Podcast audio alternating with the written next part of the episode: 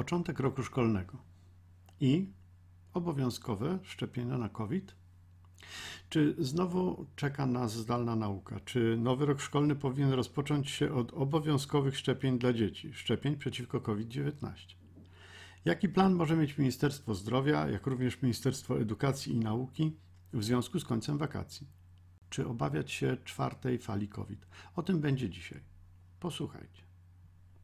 Z obowiązkowymi szczepieniami w Polsce jest kłopot. Nie cieszą się dobrą opinią. Jako społeczeństwo jesteśmy podejrzliwi, nieufni.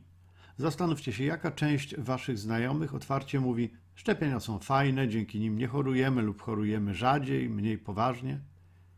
Niewielka jest ta część, prawda? Dominuje lekki lub ciężki sceptycyzm. No tak, no raczej trzeba się szczepić, ale wiesz, różnie bywa. Słyszałem o takim przypadku, że i tu sypią się jak z rękawa anegdotyczne dowody na nieskuteczność szczepień i potężne powikłania w ramach NOP, czyli niepożądanych odczynów poszczepiennych. Dla mnie ogromnie symptomatyczne było wystąpienie Andrzeja Dudy swego czasu. Uwaga, leci cytat. Absolutnie nie jestem zwolennikiem jakichkolwiek szczepień obowiązkowych. Powiem Państwu otwarcie, ja osobiście nigdy się nie zaszczepiłem na grypę, bo uważam, że nie. Jeszcze raz. Bo uważam, że nie. To jest argumentacja faceta, który jest prawnikiem odnośnie zasadności lub bezzasadności procedury medycznej.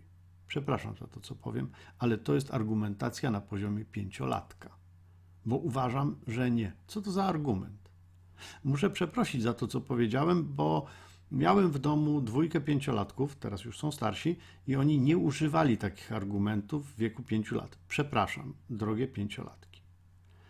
Mechanizm obniżonej popularności szczepień jest prosty. Szczepienia redukują występowanie chorób. Rzadkie choroby nie budzą grozy, strachu, respektu, nazwijcie to jak chcecie, więc po co dawać się nakłuwać? Zwłaszcza, że jak przy każdej procedurze medycznej nikt nam nie zagwarantuje pełnego, stuprocentowego bezpieczeństwa a szczepienia są skuteczne.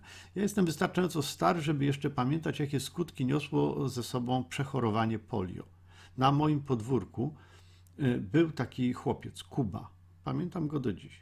Obraz Kuby sprawia, że nie mam rozterek, czy szczepić swoje dzieci przeciwko polio. Szczepienia są skuteczne. Pamiętajcie, że dzięki nim eradykowaliśmy wirusa ospy prawdziwej. Nie ma go.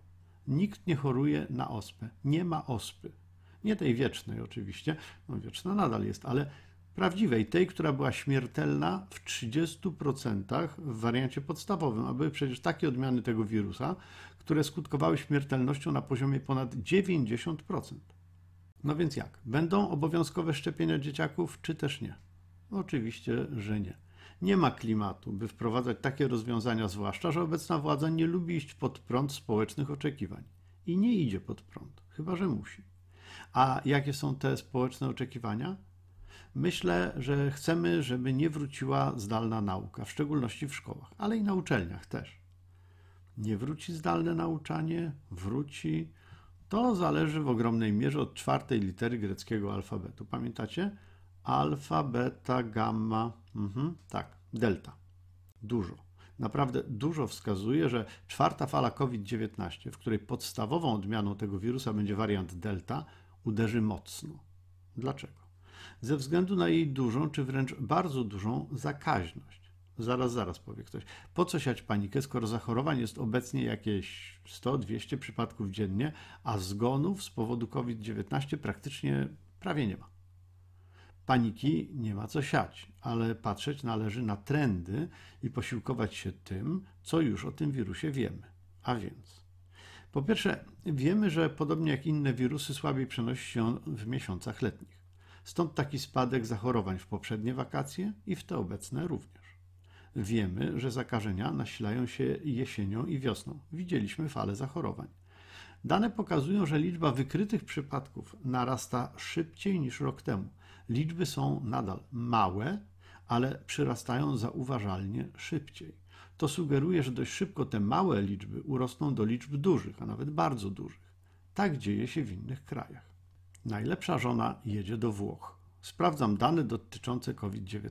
Poziomy dość niskie, ale wyższe niż rok temu, a krzywa wspina się bardziej stromo do góry niż przed rokiem.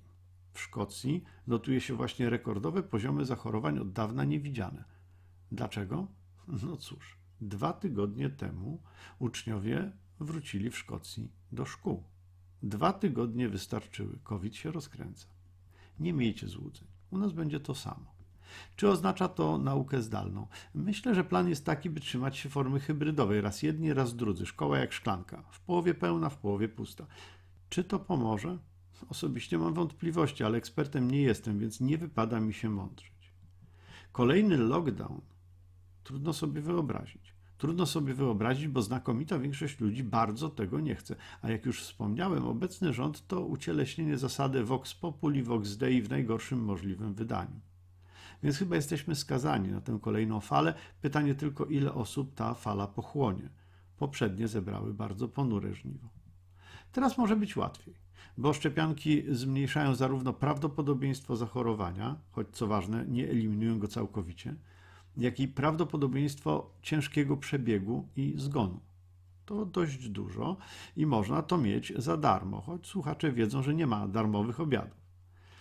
Tu akurat argument o braku darmowych obiadów można czytać tak. Szczepionki są w Polsce kupowane za pieniądze podatników, między innymi moje i twoje. Jeśli nie chcesz się szczepić, to i tak finansujesz szczepienia innych. No to może warto skorzystać, skoro już za to płacisz. To pytanie retoryczne. Przekonani już się zaszczepili. Nieprzekonani i tak się nie zaszczepią.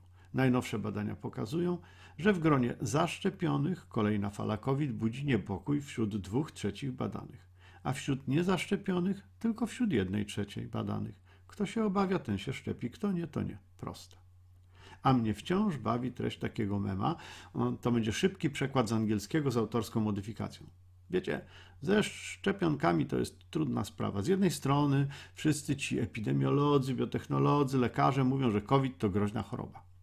Z drugiej strony ci wszyscy, z którymi chodziłem do szkoły i którzy na lekcjach biologii nie odróżniali mejozy od mitozy, mówią, że nie ma się czego bać. No i w końcu nie wiadomo, komu tu wierzyć. Do usłyszenia. PS. Jeśli Ci się spodobało, zasubskrybuj ten kanał. Teraz.